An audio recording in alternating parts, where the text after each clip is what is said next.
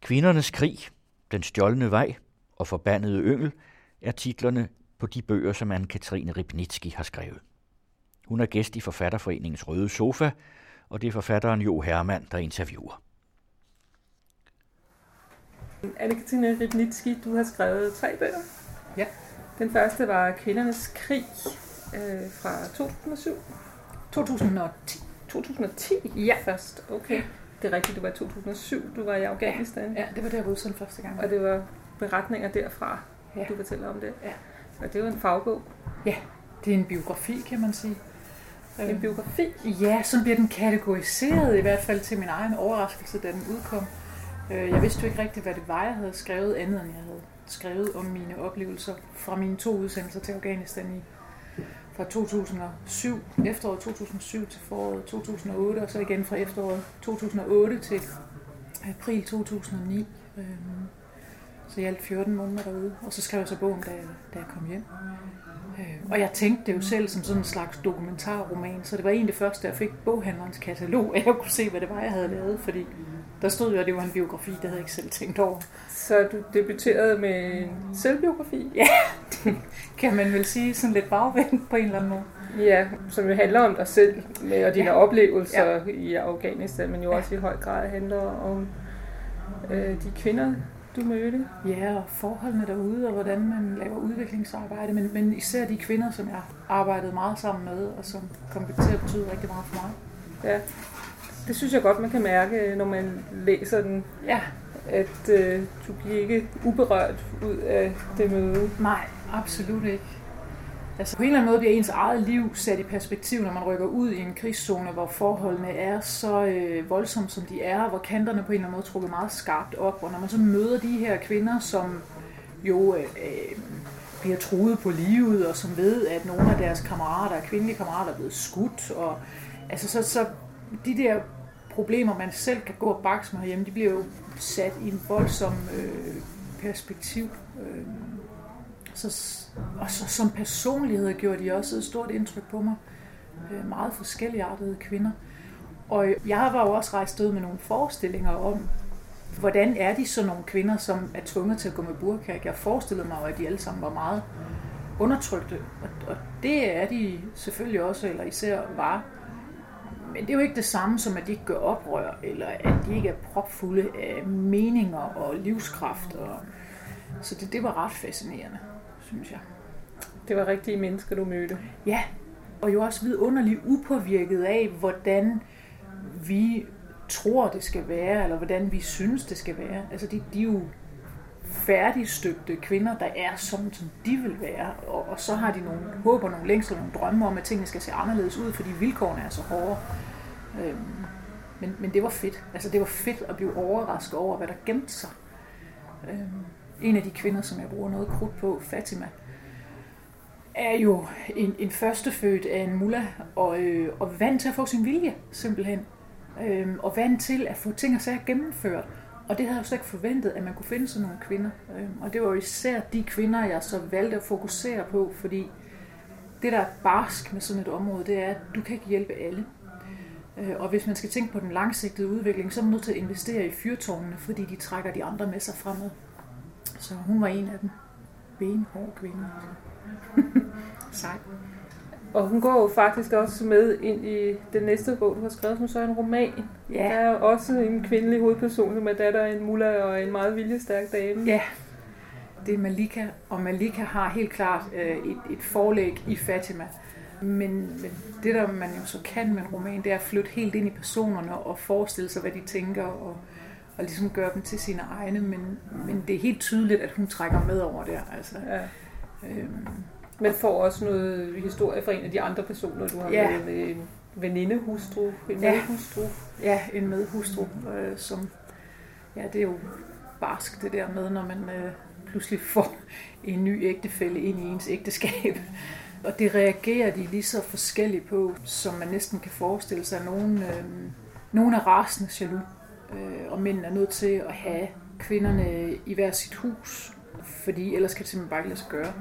Øh, men der er også andre, for eksempel Malikas nabohustru, øh, eller nabokone, Habiba, hun får jo også en venindehustru, men men hun er så mere pragmatisk øh, i sit synspunkt, hvor hun sådan tænker, jamen, jeg er jo blevet gammel, og efter al sandsynlighed dømme, så finder min mand før eller siden en ny kone, så jeg kan lige så godt hjælpe ham med at vælge en, som jeg kan lide. Så det gør hun så. Øhm, og, og sådan er der også nogle af dem, der reagerer, at de ligesom vælger en veninde eller en kvinde, som de kan godt sammen med. Så rotter de to sig sammen, og så kan de så ligesom styre manden, eller i hvert fald yde noget demokratisk modstand mod ham og diskutere og rotte sig sammen simpelthen. Ja. Så kvindernes øh, særlige problemer i det samfund øh, har optaget den en roman også. Ja. Men øh, ellers så bliver romanen, øh, Den stjålne vej hedder den, mm. øh, den bliver lanceret som en roman om øh, drengevoldtægter. Ja, det, det, det, det, sådan har jeg set den omtalt flere steder. Ja, og det kommer også lidt bag på mig. Det er rigtigt, at, øh, at der er jo en, altså den ene af de tre hovedpersoner, en lille gadedreng, der hedder Jared, han bliver udsat for en voldtægt. Og det er en problematik, som, som helt klart er en del af Afghanistans øh, mange problemer. Men det kom bag på mig, at det i pressen kom til at fylde så meget, fordi jeg tænkte, denne her tematik har jo i hvert fald været lidt op at vende i dragløberen øh, af Khaled Hosseini. Men, men det var ligesom om det kom bag på rigtig mange danskere, at, at det overhovedet foregik, og den slags findes. Øh, så det kom, kom til at fylde meget øh, i mange af, af omtalerne af bogen. Hvad tænker du selv, øh, bogen handler om? Jeg synes jo, det er Afghanistan set gennem en roman. Ja. Øhm, jeg kan sige, hver af de tre øh, hovedpersoner har deres øh, tematikker. Der er jo også en, en ingeniør, som måske nok er den hovedperson, som, som fylder allermest. Han er pakistaner, altså lige fra den anden side af grænsen, men samme etniske gruppering som, som de afghanere, der bor i det område. Og han er i gang med et vejbygningsprojekt, som, som Taliban så afbryder ved at, at kidnappe ham. Og meningen er, at de vil slå ham ihjel. Og han, øh, han bygger som romanfigur på en ingeniør, som jeg har mødt derude, som var hele den her tilfangetagelsesproces igennem. Så han har jo også sin egen tematik omkring tro og hvad er islam for en størrelse, fordi han er stærkt troende, og han har et enormt kendskab til Koranen, og han går i clinch med de her talibanere og diskuterer dem simpelthen sønder sammen med udgangspunkt i Koranen og siger, I har ikke styr på jeres egen tro, og det I påstår, der er islam, har ikke noget med islam at gøre.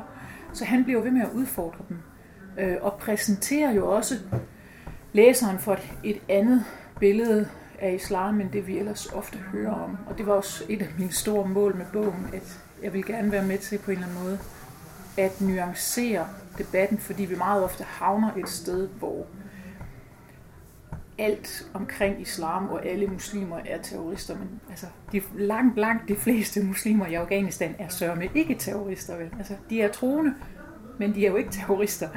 Og det vil jeg gerne bringe et, et, et andet billede ind ikke desto mindre, så skriver du jo netop om nogle af terroristerne. Ja. Nemlig dem, der tager ingeniøren til fange mm. og, og prøver at følge deres overvejelser og også deres indre interne diskussioner om, mm. hvorvidt det er rigtigt, det de gør, og ja.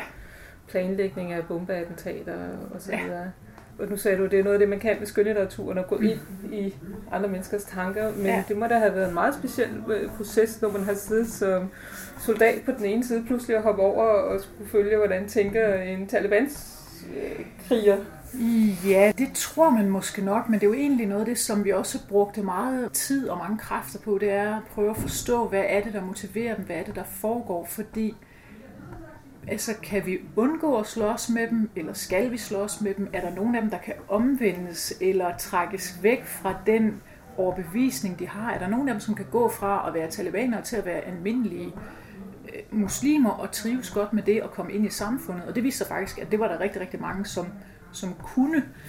Så på den måde var tanken ikke helt uvandt, men selvfølgelig skal man jo lige dreje lidt på sin egen tankegang for at, at finde ud af, hvad er det, der kan motivere folk til at gøre det her. Noget af det, som, som jeg har tænkt på undervejs, det er jo de mange andre eksempler, vi har fra krige, hvor folk bringer deres eget liv som, som offer for at redde nogle andre, eller for at opnå et større mål. Det har vi jo også masser af eksempler på fra 2. verdenskrig, hvor nogen kaster sig ind for at redde en større gruppe mennesker, de ved godt, det koster dem selv livet. Så tanken er ikke helt ukendt, men det er lige med at prøve at forstå det. Og så også at få nuanceret igen billedet af, af talibanere. Altså findes der gode talibanere? Ja, det gør der sådan set. Ikke? Altså, så det har været noget af drivkraften i at skrive også? Ja. Altså nogle gange så bliver det jo bare sådan nogle begreber, der svæver rundt i debatten. Så er alt enten sort eller hvidt, men hvis vi ligesom kan komme ind i det her mennesker, så kan man bedre forstå, hvad er det, der motiverer dem? Hvorfor gør de, som de gør? Og når man finder årsagerne, så, så er det også nemmere at, øh, at komme folk i møde og måske finde en anden løsning, end den man ellers ville have valgt. I din tredje bog, den der hedder Forbandet Yngel, som jo også er en roman, ja. og som du fik det med laverbær for, ja.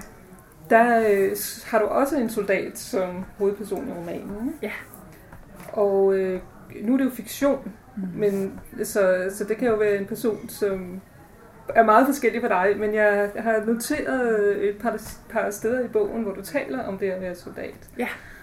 Og øh, hovedpersonen her, der er som et sted, hvor tårerne løber ned af kinderne på hende, da hun tænker på panserinfanteristerne. Fordi dem kan man sørme altid regne med.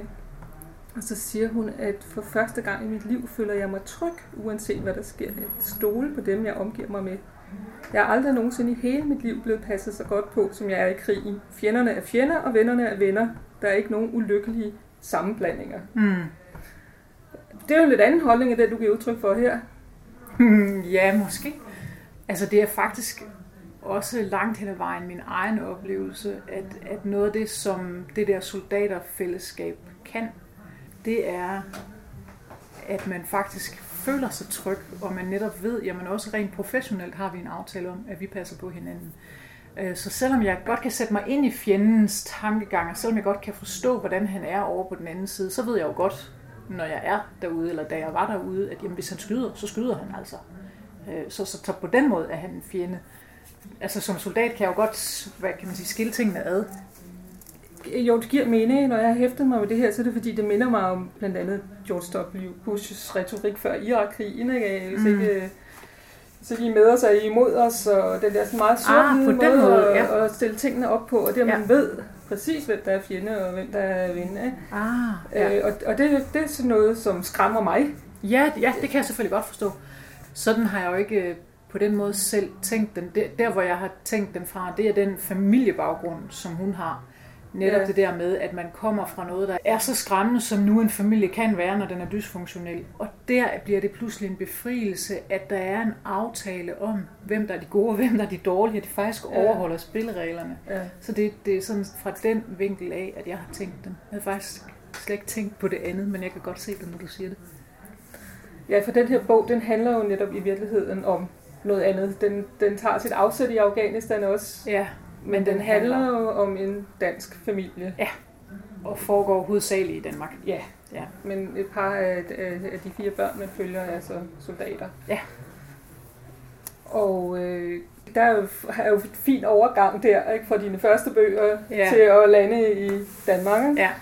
Ja, man kan sige, på, på den måde rejser jeg hjem med den bog. Ja, men du har også øh, tidligere sagt, at den bygger på nogle personlige oplevelser, så den ja. er også skrevet tæt på dit eget liv? Den er skrevet tæt op af mit eget liv, øh, og det er det spørgsmål, som jeg altid får med den roman. Det er, hvor meget er virkelighed og hvor meget er fiktion. Så, så det, har jeg, altså, det har jeg valgt at stå ved, at jamen, der er en meget, meget stor portion af mig i den bog, og min egen opvækst ikke mindst.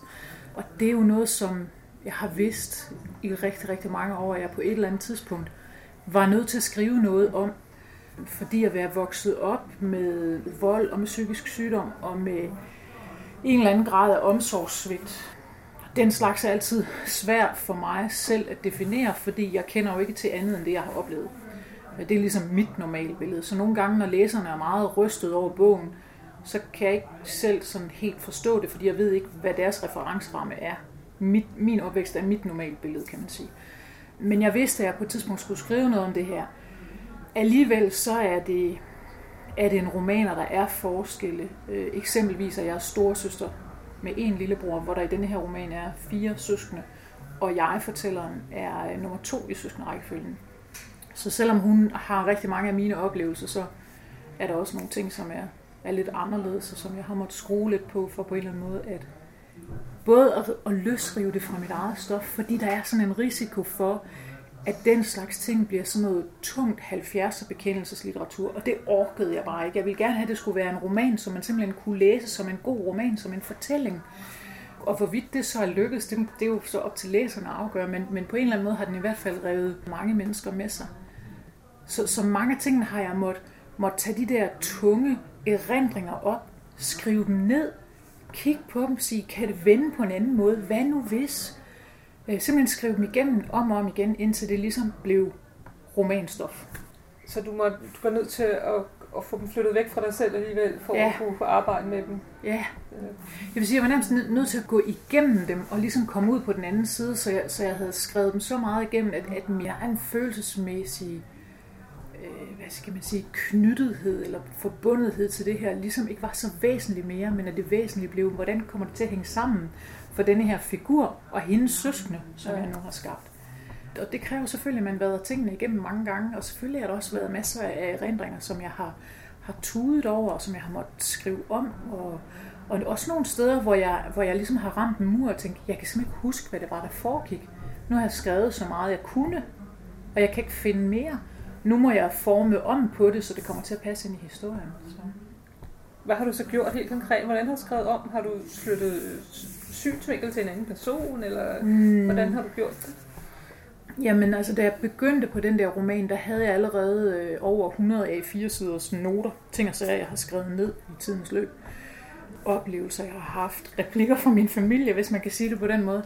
Og så gik jeg det sådan igennem og tænkte, okay, her ligger en god scene. Og så prøvede at, at skrive den scene igennem, og nogle gange skete der simpelthen bare det, at, jeg ramte en masse følelser og en masse tårer, som jeg så måtte ja, tude ud og blive færdig med. Og så skrive det om til at ligesom synes, at, at nu, var det, nu var det fint, nu stod det fint.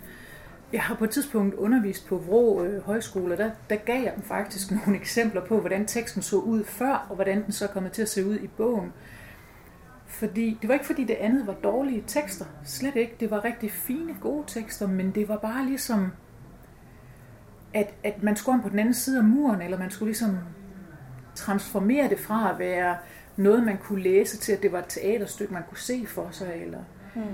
det er svært at forklare, men, men, men på en eller anden måde, så, så måtte jeg sådan øh, prøve at arbejde det igennem. Også måske nogle gange lave nogle dialoger, i stedet for at forklare, hvad det er, der bliver følt. Øh, der er nogle af de der tricks, hvor man må sætte sig ned rigtig mange gange og sige, don't tell it, show it, og skal ja. det være her, klip det ud. Ikke? Altså. Ja.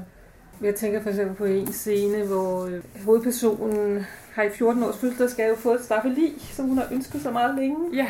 Og hun ved godt, at, at forældrene har trukket på kassekreditten for at ja. købe det til hende, ikke? Ja. og fået sat det op på sit værelse, og nu glæder hun sig til at komme i gang, ikke? og ja. så kommer hun derop, og så har moren skrevet i støvet på bordet med fingeren øh, nogle rigtig grimme ord, solsvin og dorske og sådan ja. noget, fordi hun ikke har gjort rent på sit værelse. Ja. Og moren har taget penslerne og knækket. Ikke? Ja. Og så står der sådan meget lakonisk om, hvordan hovedpersonen her ligger vågen om natten. Den smerte, der kommer af ved, så havde der ens far, at han slår, og så havde der ens mor, og hun kalder hende en de ting, der fik hende selv til at græde som barn, mm. i mig. Ja. Det er refereret, fordi der er ikke, der er ikke nogen dialog, for der er kun én person i den ja. her scene. Ikke? Men ja. der er en lille pige, som prøver at finde morens motiver for, hvorfor hun har gjort det her, for at forstå, ja. hvad der overgår hende selv. Ja. Øh, og det er jo på en måde det samme med at gå ind i fjenden, så at sige. Ja. Ikke? Men her ja. er så fjenden så både den gode og den onde på én gang. Ikke? Ja. ja, det er jo det, der er den romans store tragedie, kan man sige. Ja. Øhm, altså det er jo, når du læser det op, så er det faktisk et af de afsnit, hvor jeg sidder og tænker, hmm, kan vide, om det skulle stå på en anden måde, ikke? fordi, fordi man, man serverer også lidt en løsning for, for læseren, hvilket jeg ellers prøver at afholde mig fra, men det er jo også øh, en del af processen, når man, eller i hvert fald for mig, da jeg skrev, det var også, at jeg, jeg begyndte måske at se en lille smule ud over min egen smerte og se, hvorfor er det, forældrene handler, som de handler? Altså, hvad, hvad er det, der har gjort det? Jeg havde selv som barn at høre min mors forklaring om, hvorfor det hele var blevet, som det var blevet. Men efterhånden, som jeg skrev, begyndte jeg også i det mindste at få en større forståelse af, hvorfor var det, det var sådan, og det gav lidt mere mening. Øhm, og det er jo ikke uvæsentligt. Altså, hvad, hvad, hvad er fjendens motiv igen? Ja. Øh, hvad er bevæggrunden for at handle på den her måde? Ja. Og, og nogle gange er de jo ikke bevidste, andet end det er bare en reaktion, man kører af igen. En gentagelse af et gammelt mønster. Ikke? Sådan virker det jo i den her scene ja, i hvert fald. Ja, det, er, det er ikke med vilje, moren gør det, så at sige. Det er hun drevet af sine ja. egne dæmoner. Ja, hun har virkelig indre dæmoner. Ja. Så, øh. det er jo i hvert fald noget, der er karakteristisk for den her roman, datterens indlevelse der, ikke? Ja. hvor hun hele tiden er splittet imellem både sine søskende og sine sin mor og sin far på hver sin måde, og ja. ligesom prøver at være den, der holder sammen på det hele. Ikke? Ja. Ja, sådan en, en decideret skadelig indlevelsesevne. Ja. ja. og det har også været en af mine, altså, en af mine egne store udfordringer, det er, at det er godt at have indlevelsesevne. Det er rigtig godt at have det som forfatter. Men det kan være skadeligt, hvis man ikke ligesom lærer, hvor ens grænse er. Og det er noget af det, som jeg oplever både af jer selv, men også rigtig mange andre, jeg kender, der er vokset op i dysfunktionelle familier. Det er noget af det, de har allersværest ved, det er, at deres grænser er blevet vadet frem og tilbage over så mange gange, at de har utrolig svært ved at mærke, mm. hvornår er nok nok, og hvornår er det, har jeg ligesom krav på, at her stopper det. Men det frygtelige er jo, at det er jo overhovedet ikke spor ukendt. Altså, det her, det, det er jo simpelthen så, øh, så udbredt, og måske er det også derfor, at der er så mange læsere til den bog. Fordi der er så mange, der i en eller anden grad genkender det. Enten den tematik, men det kan også bare være beskrivelsen af at være vokset op på landet. Altså det oplever også, at der er mange, øh, der kommer og siger, at hold da op, hvor kan jeg pludselig huske mange ting fra det sted, hvor jeg voksede op. Og så er der, der er som regel sådan mange, der skynder sig at sige, altså, men der foregik ikke noget ondt i min familie. Så, men, men bare det der med, at ej, jeg kan huske, hvordan det var, og, og, og når min mor lavede medisterbølse, og alle de der forskellige ting. Ikke? Altså, ikke bare stikke den på panden, men rent fysisk stod der med kødhakkeren. Ikke? Øh, sådan nogle ting, og det, det, er, det er sjovt at opleve. Kunne du ikke prøve lige at læse det allerførste afsnit, fordi der bliver man jo tydeligt introduceret til, at, at du voksede op på landet. Ja, hvor langt vil du have at læse noget? Her så. Ja. ja. Hvis jeg skulle fortælle om det sted, hvor jeg voksede op, ville jeg begynde med havet og de kælende bølger, der dagen forinden havde druknet endnu en fisker.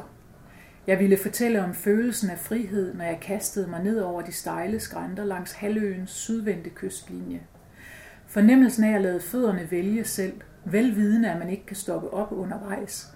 At man er nødt til at fortsætte med at løbe nedad, med gruset sprøjtende om benene, i tillid til, at skrænten ikke brister i en lavine, i tillid til, at man klarer den. Jeg ville fortælle om solnedgangene, der forvandlede småøerne til silhuetter i havet, mens stillheden nede fra køkkenet blev knugende. Jeg ville vise, hvordan man kravler ud over rækværket på den tunge altan med de slimede, halvrådne bundbrædder. Det var min storebror Ivan, der lærte mig at kravle ud over altanen. Han var modigere end jeg. Det overraskede mig ikke, at han drømte om at blive jagerpilot, at beherske luftrummet over de øer og det vand, i hvis grænseland vi voksede op. Der var nok af jagerfly. Det forekom os til tider at være deres foretrukne legeplads. Dristige og øresønderivende jagtede flyene hinanden over hovederne på en befolkning, der til synlædende ikke indsede, at der var en verden udenfor. Der er man ved og på landet. Ja. Men man er jo også i et meget personligt tolket landskab. Det er jo ja. ikke bare en beskrivelse af, hvordan det ser ud. Nej. Det er jo også en beskrivelse af, hvordan det er for den person at være der. Ja, der er en grund til, at vi i linje 3 hører om fiskere, der er druknet. Ja. ja. Ja, men det er... Um, altså på den måde, så er landskabet jo noget meget stort og meget smukt. Men samtidig så ligger der den der barskhed nedenunder, som naturen jo også ejer. Og som jo helt klart er en del af, af den familiehistorie, som rulles ud i Forbandet Yngel. Men jeg kan godt lide landskaber, ja. Altså det er måske... Øh, derfor jeg også kaster mig så meget over dem. Det er egentlig ikke det eneste sted, jeg har beskrevet landskaber. Øh, og jeg, jeg kan mærke at jeg også, altså jeg har noget i, i den roman, jeg arbejder på nu, også, hvor, hvor det på en eller anden måde fylder noget. Men for mig var det noget af det formidlende ved det sted, jeg voksede op. Det var, mm. at, at der er faktisk meget, meget smukt på Sydfyn, hvor jeg er vokset op. Selvom øh, jeg ved ikke, hvor mange gange der er skrevet om den roman, at den handler om om Jylland og den rådne banan og sådan noget. Men altså, jeg har selv tænkt på Sydfyn, men noget, noget af det, der jo er sjovt og godt ved bogen, eller pudsigt i hvert fald, det er, at der står ikke nogen steder præcis, hvor den foregår. Og derfor så har jeg fået mails fra læsere, der siger, at det var dog en fantastisk beskrivelse af min egen opvækst på Lolland, eller omkring Kolding, eller altså det der østkyst Danmark med, med træer helt ned i, i vandkanten.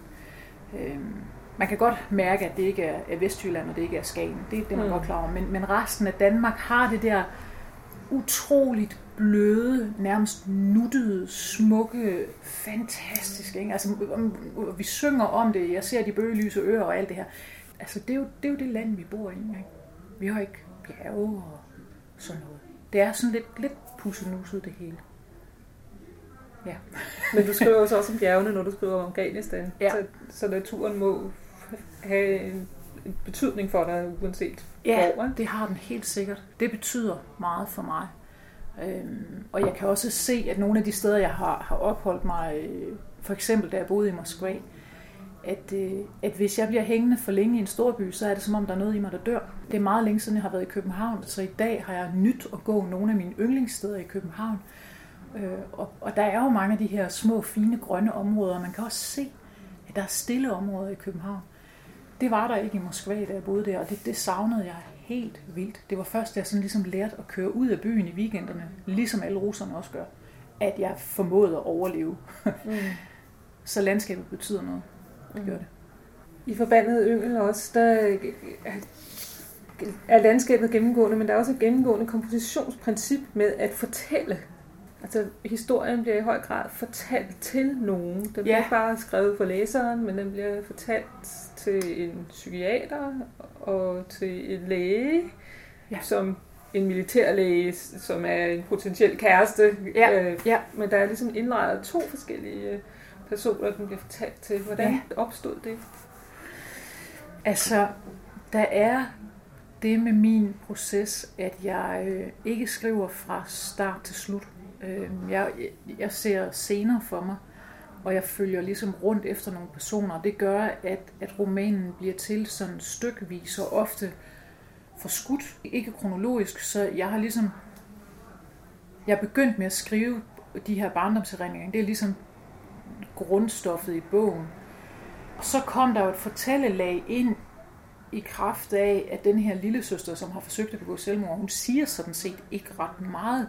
Og Så det er fortælleren, der ligesom gør det og, og forklarer nogle ting. Og øh, det, det aller sidste lag, der opstod, det er faktisk rammefortællingen, den der ligger udenom, nemlig det, at hele bogen sådan set er fortalt på en flyrejse fra Afghanistan til Danmark, som tager ni timer. Og det er klart, man kan ikke nå at sige alt det, som står i romanen på ni timer. Det kan man ikke, men det leger vi så, at man kan. Og så har den denne her lidt sådan, synes jeg selv i hvert fald, evige karakter, fordi de netop flyver med solnedgangen hele vejen, og det, det har jeg selv oplevet, hvis man, hvis man øh, rejser afsted på det rigtige tidspunkt, så kan man faktisk komme til at flyve i en ni timer lang solnedgang. Det er sådan ret fedt. Jeg sad selv og tænkte, ah, kan jeg vide, om det næsten er for meget, men, men jeg kunne bare ikke lade være. Altså jeg tænkte, åh, det her, det er cool, fordi det, så står tiden stille. Mm. Ikke? Øh, Så, så det kom på til sidst, øh, og det var også øh, i den meget korte redigeringsperiode, der var til den der bog, da den havde vundet romankonkurrencen, og så skulle nå at udkomme. Øh, Der var netop adskillelsen mellem psykiateren og den militærlæge, hun sidder ved siden af i flyet. Det var, det var noget af det, som vi var nødt til at arbejde med at få, få separeret, fordi den ene er ligesom nødt til at fylde mere end den anden, ellers så, så blev man meget splittet. Og, og det er måske øh, rigtig godt set af dig, at du slår ned på noget af det, fordi det er måske et af de steder, hvor, hvor jeg har haft en, en usikkerhed i kompositionen selv, som vi så har prøvet at skubbe på plads. Ikke? At der er sådan noget kinesisk æske i det, Ja. ja. at den ene fortælling bliver lejet ind i den anden. Ikke? At hun sidder Ja. fortæller om, at hun har fortalt til en anden. Ja, og der er også måske noget af den proces, jeg selv har været igennem med først at skrive tingene, som de var, så at skrive dem om, og så på en eller anden måde få dem bragt hen til romanen. Så på den måde er, er min egen fortælling om fortællingen om fortællingen også lejret ind i de der lag, ikke? At, at hun har jo, Lisa har jo allerede været i Danmark og talt med Stefan, psykiateren, og, og prøvet at forklare alle de her ting og sager. Og så en gang til, to måneder senere, kommer hun til at fortælle det hele til den mand, hun sidder siden af i flyet. Og så viser det sig, at der er en pointe i, at han er læge og har tavshedspligt. Ja, det er nemlig rigtig heldigt, at han er Ja. læge og har tavshedspligt, og han vælger at overholde den. Det er godt for hende. ja. Og det vil vi ikke røbe på. Nej. Det skal ikke, fordi jeg troede faktisk, at det var omvendt. Jeg, Ja. jeg troede, at den der fortælling i fortælling var noget, der var kommet ind tidligt, for ligesom at lægge lidt afstand til de der meget barske erindringer. Ja, det kunne man jo også godt tro, men nogle gange så er virkeligheden stik modsat. Ja. det er faktisk den anden vej rundt, jeg er ja. begyndt. Og, og det er, er noget af det, som er øh, frustrerende for mig i min skriveproces, det er, at, at jeg virkelig ikke ved, hvad der er start, midte og slutning, når jeg går i gang med at skrive, og, og meget, meget langt hen i min proces er jeg ikke selv klar over det. Og det ved jeg, at der er mange læsere, der er overrasket over, fordi de siger, jamen det er jo spændende, og hvordan har du kunne vide, at... Og, jamen nogle gange så må jeg simpelthen baglæns i mit manuskript og rette nogle ting, for at det hænger sammen. Det gode ved det er, at så er jeg også selv overrasket over, hvad der foregår, og det er en fordel i hvert fald. Og det er altid spændende at gå på arbejde. det holder skriveprocessen frisk. Ja, det gør det. Ja, fordi jeg er på en eller anden måde nødt til at finde løsningen. Ikke? Ja. Altså, jeg, jeg får bygget sådan nogle kæmpe labyrinter, ligesom, ligesom hvis man konstruerer en krydsord, og man tænker, okay, hvor, nu skal jeg så have alt det her til at passe sammen. Ikke? Hvordan, øh, hvordan får de enkelte ord til at krydse hinanden de rigtige steder? Så det er lidt et puslespil. Før du blev sprogofficer, der gik du på forfatterskolen. Ja. Hvad har du med derfra? Oh, det er mest tydeligt, hvis man ved, hvordan jeg skrev før jo. og da det ikke er udgivet, så er der ikke nogen, der ved noget om det. Det, som forfatterskolen især hjalp mig med, det var, at jeg øh, blev bedre til at korte mit sprog ned. Jeg gik der jo fra 96 til 98, så det var midt i kortprosaens tid. Det, det kunne simpelthen ikke blive kort og stramt nok. Og øh, da jeg søgte ind på skolen, det var jo et anden gang, jeg søgte ind. Første gang blev jeg ikke optaget. Da jeg søgte ind, der havde jeg i hver sætning tre billeder på alting, og masser af tillægsord og forklaringer og billeder og associationer, så det boblede ud over det hele. Og, øh, og forfatterskolen hjalp mig simpelthen med at stramme mit sprog op. Det var ikke sådan specielt bevidst om processen selv, mens jeg gik der, men det har i hvert fald sat et aftryk i mit sprog, hvor jeg jeg tror ikke, jeg overbroderer i hvert fald. Så, øh. Og der, der er mange læsere, som siger, at det er enkelt at læse. Øh. Det er også noget af det, som jeg nogle gange har fået kritik for, at der er nogen, der, øh, nogle kritikere har sagt, at det er simpelt sprog, eller altså de savner måske noget Josefine Klogart, men det er jeg jo ikke. Så, så sådan er det. Til gengæld har du meget stof ja. øh, presset i dine bøger. Ja.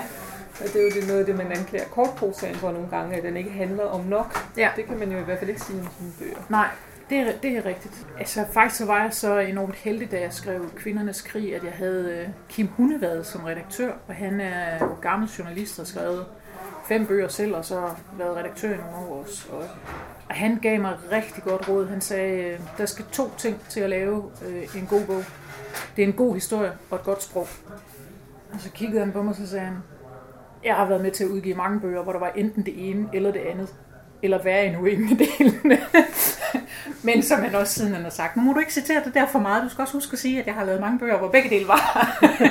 men, men det er jo rigtigt nok, det er det, der skaber en god bog, også. Det er, at der både er noget indhold, med, og, og formen så samtidig er lækker at have med at gøre. Mm, at der mm. både er sprog og indhold. Ja. Så det bestræber jeg mig på. Og, jeg, og når jeg skal sidde og arbejde med en bog i, i, i hvert fald et, måske to år, så er der nødt til at være nogle temaer på færre, som jeg gider at bruge tid på i to år, som jeg selv synes er vigtige, fordi jamen ellers så bliver jeg ikke færdig. Hvad er så vigtigt for dig i øjeblikket?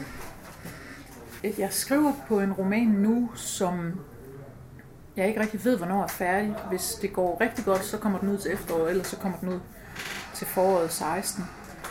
Der er mange forskellige temaer i den, øh, og nogle af dem er som sædvanligt store og tunge og alvorlige. Øh, der er noget omkring tro øh, og religion. Der er noget omkring øh, retfærdighed. Altså, hvad er retfærdighed for en størrelse? Noget omkring etik, etiske dilemmaer øh, og kriminalitet. Øh, så det er et stort brød, jeg har slået op, synes jeg, men det er også spændende. Er det jo Afghanistan igen? Nej, det er det ikke. Jeg, jeg vil gerne ud af Afghanistan-kassen. Øh, så jeg har faktisk lavet en aftale med mig selv om, at jeg laver sådan en søger og i dokumentet, øh, og hvis ordet Afghanistan har snedet sig ind, så bliver det, så bliver det slettet. Men det har det ikke. Øh, den, den foregår ikke i Afghanistan. Jeg tror, den kommer til at hedde et smalt spor, og den foregår i Guatemala, mm-hmm. hvor jeg har rejst lidt, og øh, i Danmark. Øh, og så lidt i Tyskland og lidt i, øh, i de baltiske lande. Så sådan lidt vidt omkring. Nu må jeg se, hvor meget jeg får strammet ind og skåret fra og sådan noget. En international roman om livets store spørgsmål. ja, lad os håbe det. Det kan være, at du skal skrive bagside teksten. nu sagde du ville ud af Afghanistan-kassen, så at sige. Ja. Men hvad så med de mennesker, du mødte dernede? Har du nogen kontakt med nogle af dem? Ja, det har jeg. Øh, altså, der er jo sket det lykkelige, at Afghanistan er kommet på Facebook siden øh, jeg var der. Der er kommet internet mange steder og tv og sådan. Så verden er på en eller anden måde rykket ind i Afghanistan også. Så sent som i går ringede en af kvinderne faktisk til mig. Hendes søn er god til engelsk, så det var ham, der ringede op. Og øh, det er gulderlag, fordi lyttere, der nu har øh, læst øh, Kvindernes Krig. En, øh, en kvindelig læge, der arbejder i øh, Kerisk, eller jordmor er hun egentlig. Det er jo også en læge. Det er svært at tale sådan direkte med hende, fordi hun ikke kan så meget engelsk, og jeg ikke kan så meget pasto, som er det sprog, man taler, eller dig for den sags skyld, som hun også godt kan. Men det var fantastisk dejligt at høre hendes stemme, og øh, vi fik talt lidt frem og tilbage med hendes søn som, som tolk Hamid, som jeg kender rigtig godt.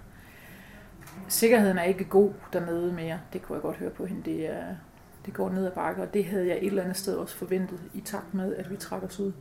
Øh, men hun holder stadigvæk fanen højt. Hun laver stadigvæk øh, arbejde med de kvinder, som, som øh, nogle gange kommer på det kvindecenter, som hun er, er leder for det er rigtig rart at høre fra dem, og så altså, ligesom høre, at jamen, de findes stadigvæk, og de sidder stadigvæk på de politiske poster, hvor de er valgt ind og sådan noget.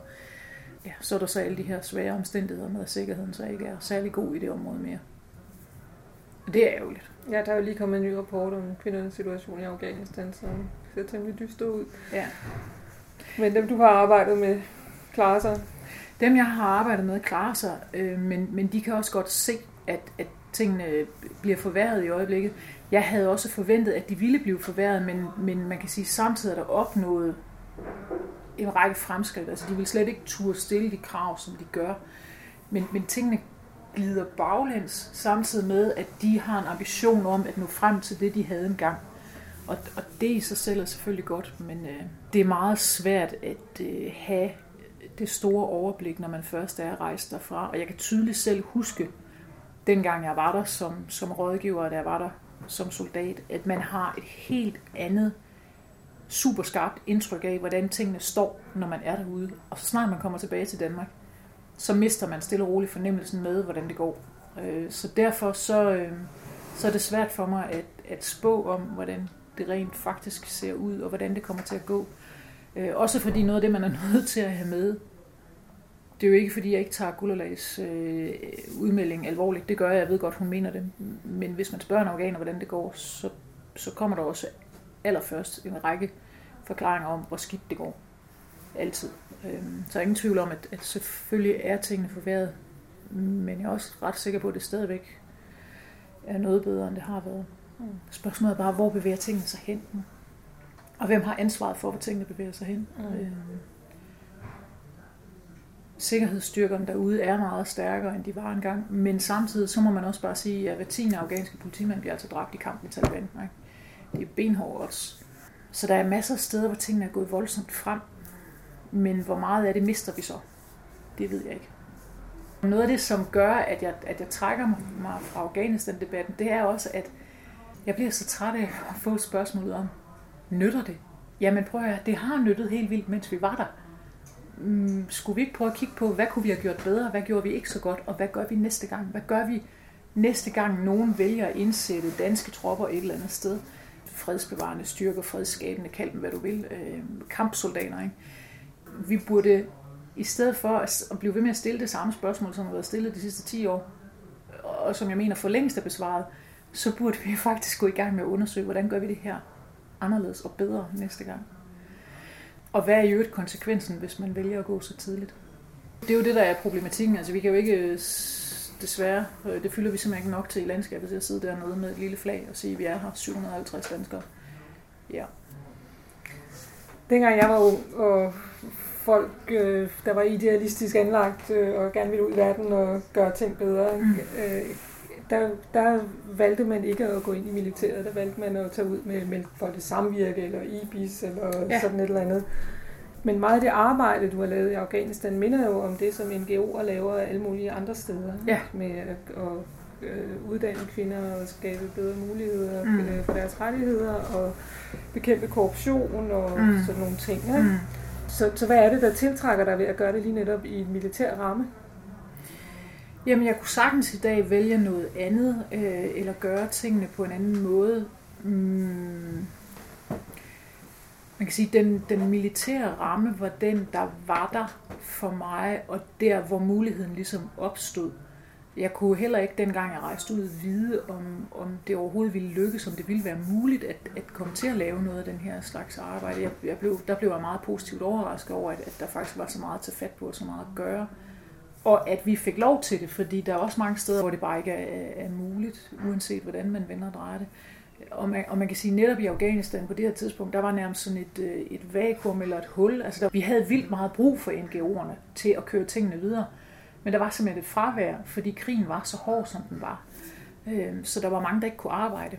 Øhm, og, og de sagde det også lige ud, og jeg, så jeg havde blandt andet øh, et godt samarbejde med en af de amerikanske NGO'er, som så var blevet, og, og, og, og jeg spurgte, jamen, jamen, jeg var i civil på det tidspunkt, så han havde ingen anelse om min egen militære baggrund. Og jeg spurgte, jamen, jamen, hvordan har du med det her med, at der er så meget militær til stede, og er det ikke et problem? Og så sagde han, alle andre lande, der ville jeg nok have sagt, at det var. Men faktisk ikke derude.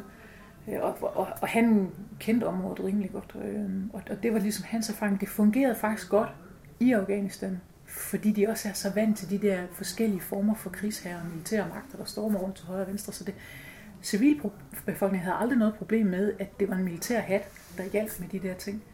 Og det kan man jo meget lidt have rigtig mange andre steder. Ikke? Hvad, hvad forventes så til gengæld, og hvad hvis vi siger nej, og alt sådan noget. Men altså i dag, øh, eksempelvis skulle min, hvis min mand skulle udsendes, så kunne jeg sagtens finde på at spørge Røde Kors, om de havde noget, jeg kunne lave. Mm på det samme kontinent. Fordi sidde herhjemme, mens ens mænd er udsendt, det er ikke sjovt. Jeg har prøvet at være pårørende, og jeg synes, det er barsk. Ja. Har du nogensinde overvejet at gå ind i politik? Hvorfor spørger du om det? Øh, jeg er sikker på, at det er benhammerende hårdt at være politiker. Jeg vil ikke orke at få mine meninger slidt så meget i, hævet så meget i. Så nej, jeg, jeg er også blevet spurgt Øh, men, men nej, jeg er ikke interesseret i at blive politiker. Jeg vil gerne skrive bøger. Og jeg vil også gerne tage forskellige emner op. så det, det er min forsøg. Men jeg spørger selvfølgelig, fordi øh, øh, altså det arbejde, du laver, er jo politisk bestemt. Altså, det er jo ikke, det er jo ikke forsvaret selv, der har bestemt, at de skulle være til stede i Afghanistan. Nå ja, nej, nej, heldigvis. Altså, hvis det var dem selv, det... der havde taget beslutningen, så levede vi et militærdiktatur. Ikke? Det gør vi jo så heldigvis ikke.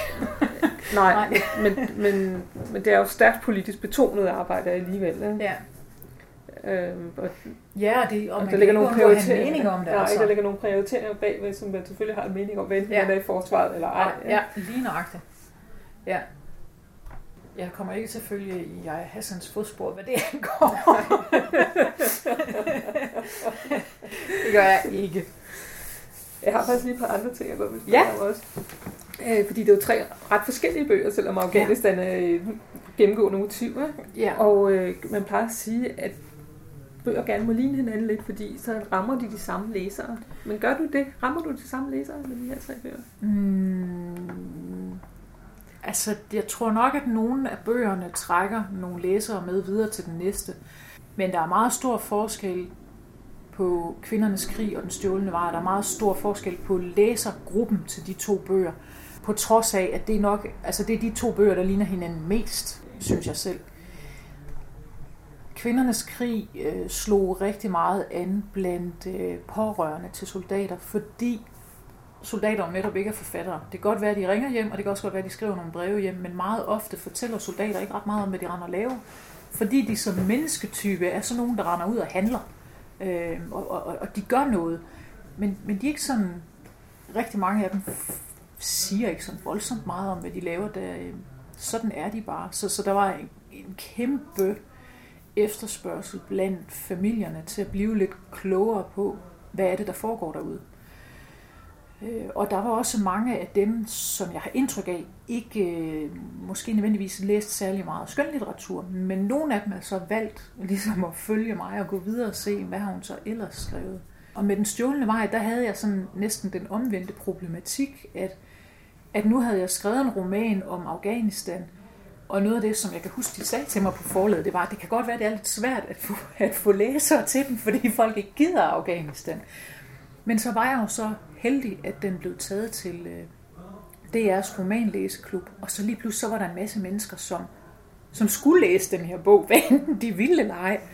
Og, øh, og så viste det sig faktisk, at, der var, at de blev helt øh, bidt af den. Så, så, så altså det, er jo en, det er jo seks bøger, der bliver valgt ud, og så vælger man tre fra, og så er der sådan et helt kæmpe opløb.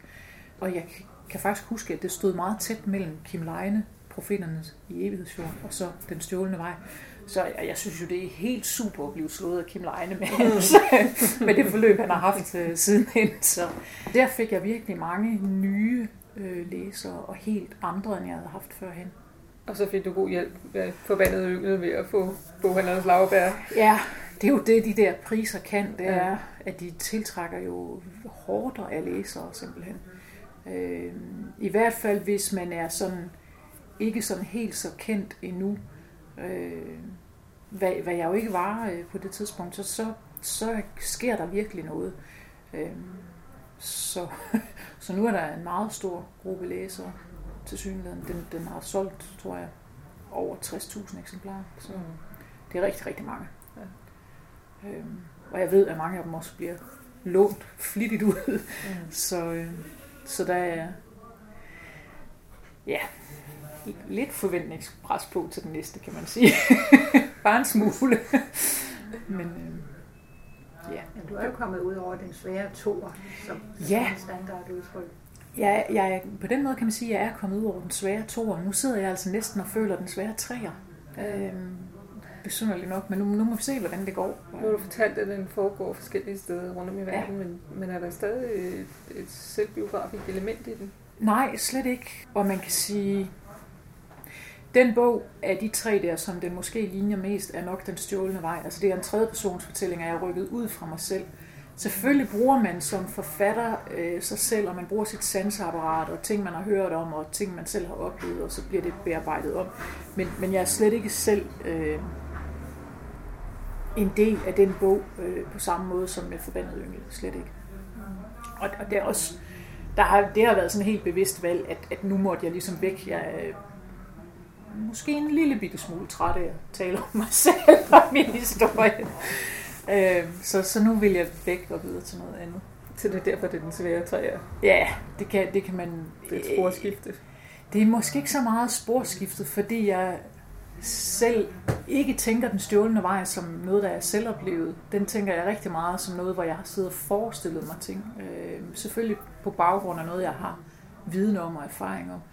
Det er faktisk mere øh, forventningspresset, der gør, at jeg synes, den er svær. Og, og det er jo ikke andres forventninger, det er mine egne, eller min forestilling om, hvad jeg skal, hvad jeg skal leve op til. Jeg synes, der har været meget succes, øh, og, og det, gør det, det gør det svært. Altså, det er svært at glemme det, eller træde væk fra det og sige, nu skriver jeg bare den bog, jeg gerne vil skrive, og så gør jeg det så godt, som jeg kan. Mm. Det synes jeg er svært sådan ligesom at, at lægge væk. Jeg er godt klar over, at det er et luksusproblem, men det er stadigvæk et problem. Anne-Katrine Rebnitskis roman Forbandede Yngel er udkommet på Politikens forlag. I hørte hende, mens hun sad i Forfatterforeningens røde sofa, og det var Jo Hermann, tidligere formand for Dansk Forfatterforening, der interviewede.